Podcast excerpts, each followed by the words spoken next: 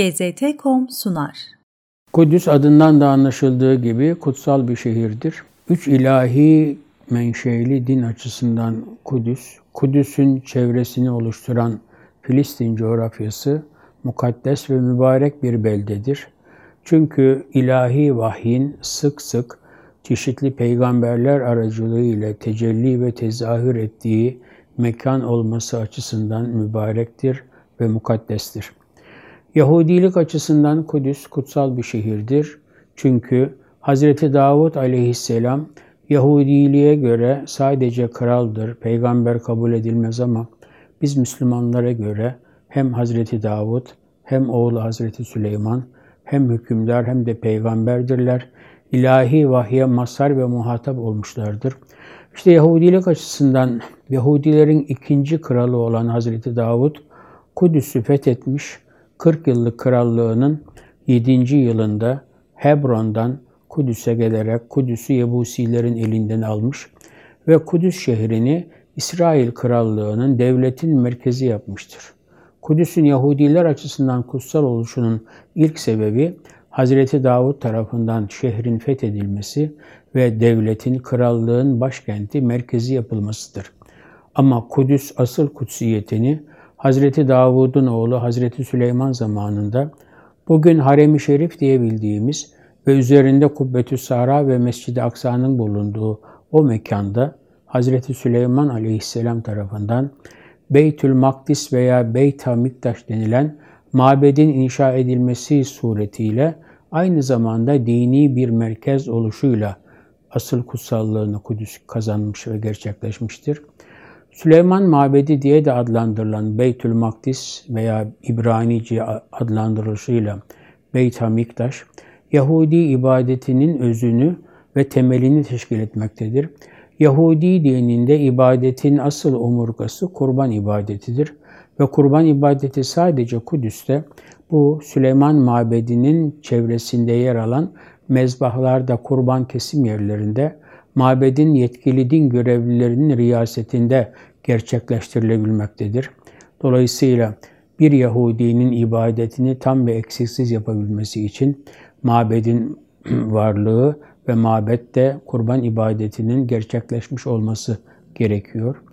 Süleyman Mabedi'nin bir başka Yahudilik açısından bir başka önemi de Yahudilikte farz olan hac ibadetinin yine ancak Kudüs'teki Süleyman Mabedi'nin ziyaretiyle gerçekleşiyor olmasıdır. Yahudi inancına göre hac farizası Yahudi erkeklerine sadece erkeklere ama yılda bir kere değil, yılda üç kere, üç Yahudi dini bayramında, yani Mısır'dan çıkışın yad edildiği Yahudi Paskalyasında, Pesah bayramında, Tevrat'ın Hazreti Musa'ya veriliş günü diye kabul edilen Şavuot yani Gül bayramında ve de 40 yıl Sina çölünde çardaklarda kalmalarını hatırlatan ve onu yaşatan Çardaklar Bayramı dediğimiz Sukkot bayramlarında her Yahudi erkeğinin Kudüs'te ispatı vücut ederek mabette bulunmaları, dolayısıyla hac farizasını ifa etmeleri gerekmektedir. Diğer taraftan Yahudilikte ibadet öncesi dini temizlik kuralları, ritüel kirlilik ve ritüel temizlik noktasından mabet oldukça merkezi bir öneme haizdir. Kimi temizlik kuralları da mabedin hayatta kalmasına, varlığına bağlıdır uygulanması. Dolayısıyla Yahudilik açısından Kudüs'ün önemi ve değeri Hazreti Davud'un şehri fethi, Hazreti Süleyman'ın Süleyman Mabedi'ni yapmasıyla daha bir önem kazanmıştır. Ve sonra mezmurlarda ve Yahudi dini literatüründe Kudüs, semavi Kudüs'ün yeryüzündeki iz düşümü olarak kabul edilmekte. Süleyman Mabedi'nin Kutsül Akdes denilen en kutsal bölmesi, bölümü, bugünkü Hacer-i Muallak dediğimiz Kubbetü Sahra'nın örttüğü o büyük kaya kütlesi olduğundan ve ahit sandığı da Yahudilikte Cenab-ı Hakk'ın kudretiyle tecelli ve tezahür ettiği, peygamberine vahyini ilettiği mekan kabul edildiğinden Hacer-i Muallak'ın bulunduğu yer Yahudilerce son derece kutsal telakki edilmektedir.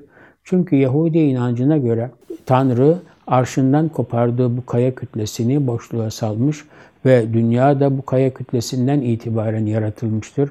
Dolayısıyla Kubbetü Sahra'nın örttüğü, Süleyman Mabedi ayaktayken mabedin asıl en önemli bölümünün bulunduğu kaya kütlesi Yahudilikte yaratılışın adeta köşe taşı yani eviyen şetiye olarak kabul edilmekte. Üstelik Yahudiler Hazreti İbrahim'in oğlu İshak'ı bu kaya kütlesi üzerinde kurban etmek istediğine inanmaktadırlar. Dolayısıyla Yahudilik açısından Kudüs kutsaldır. Ama Yahudilerin Kudüs'ü kendi bağımsız devletlerinin başkenti olarak orada oraya sahip oluşları çok fazla bir süreyi kapsamamaktadır. Hazreti Davut krallığının 33 yılında, sonra Hazreti Süleyman 40 yıllık krallığında, sonra da 930'dan 587'ye kadar geçen dönemde devletin merkezi olarak Yahudilerin İsrailoğullarının başkenti görevini üstlenen Kudüs, daha sonra bir daha Yahudiler tarafından bağımsız bir şehir ve devletlerinin başkenti olarak kullanılamamış veya o hizmeti görememiştir. Aslında Müslümanların Kudüs'e hakim oluşları, Kudüs ve çevresine hizmetleri Yahudilerin bölgeye hakimiyetinden çok daha uzun bir süreyi kapsamaktadır. Hristiyanlar açısından bakılacak olursa Hristiyanlıkta Hz. İsa merkezi bir role sahip olduğu, Hristiyanlık adeta Hz. İsa ile ilgili inanç ve telakkilerin hayata geçirildiği bir din olması hasebiyle Kudüs'ün Hristiyanlar açısından kutsiyeti Hz. İsa'nın Kudüs'le bağlantısı noktasındadır.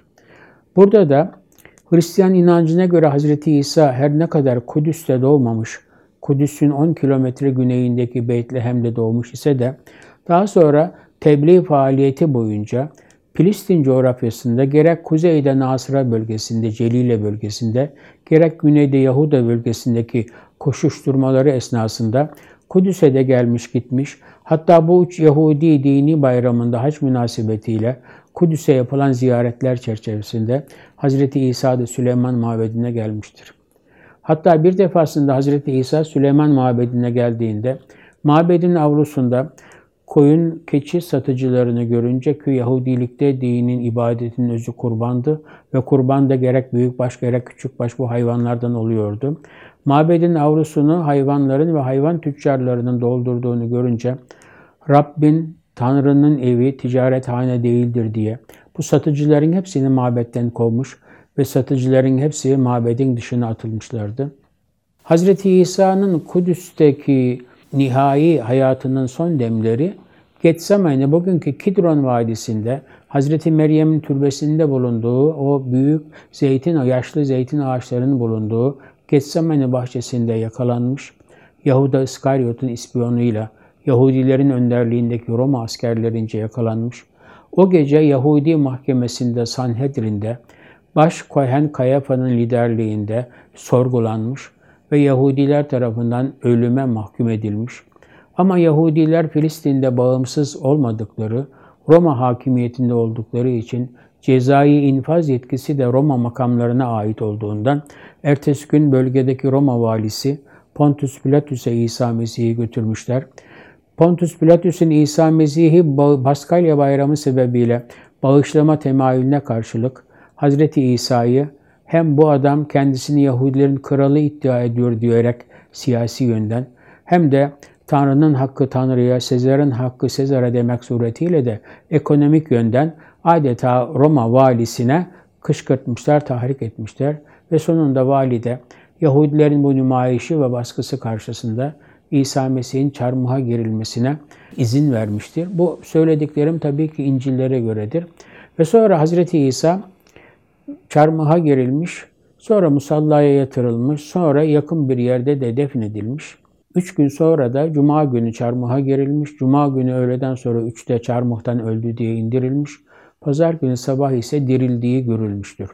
İşte Hristiyanlar açısından Kudüs'ün önemi, Hz. İsa'nın çarmıha gerildiği, musalla taşına yatırıldığı, sonra defnedildiği ve dirildiği mekanda bugün bulunan diriliş kilisesi dediğimiz Kenisetül Kıyame'nin bulunması sebebiyledir.